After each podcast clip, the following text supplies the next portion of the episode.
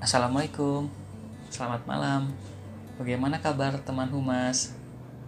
Masih bersama saya, Torik Ramadhani. Ini adalah podcast saya yang akan mengupas buku Siapa Humas, mengenal ujung tombak komunikasi.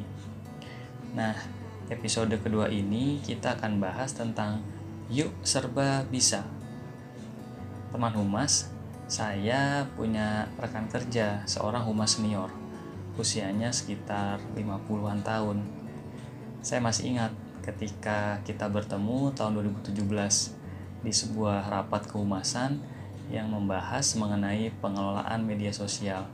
Saat itu beliau belum memiliki akun Instagram dan tanya cara membuat akun Instagram kepada saya.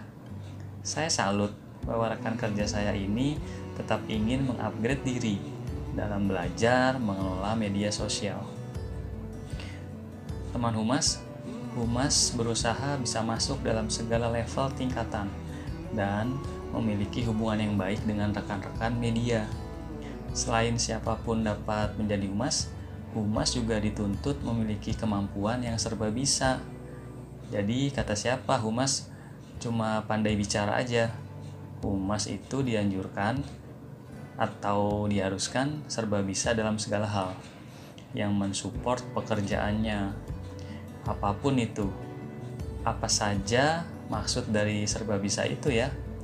Nah itu mulai dari menulis berita menyiapkan siaran pers konferensi pers ngambil gambar kegiatan baik itu foto maupun video. Belum mengedit foto dan videonya sampai memposting di website dan media sosial apa itu udah selesai? Belum.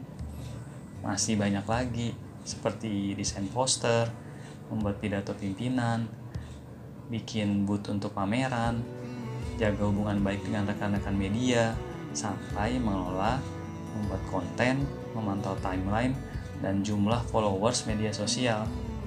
Banyak banget kan?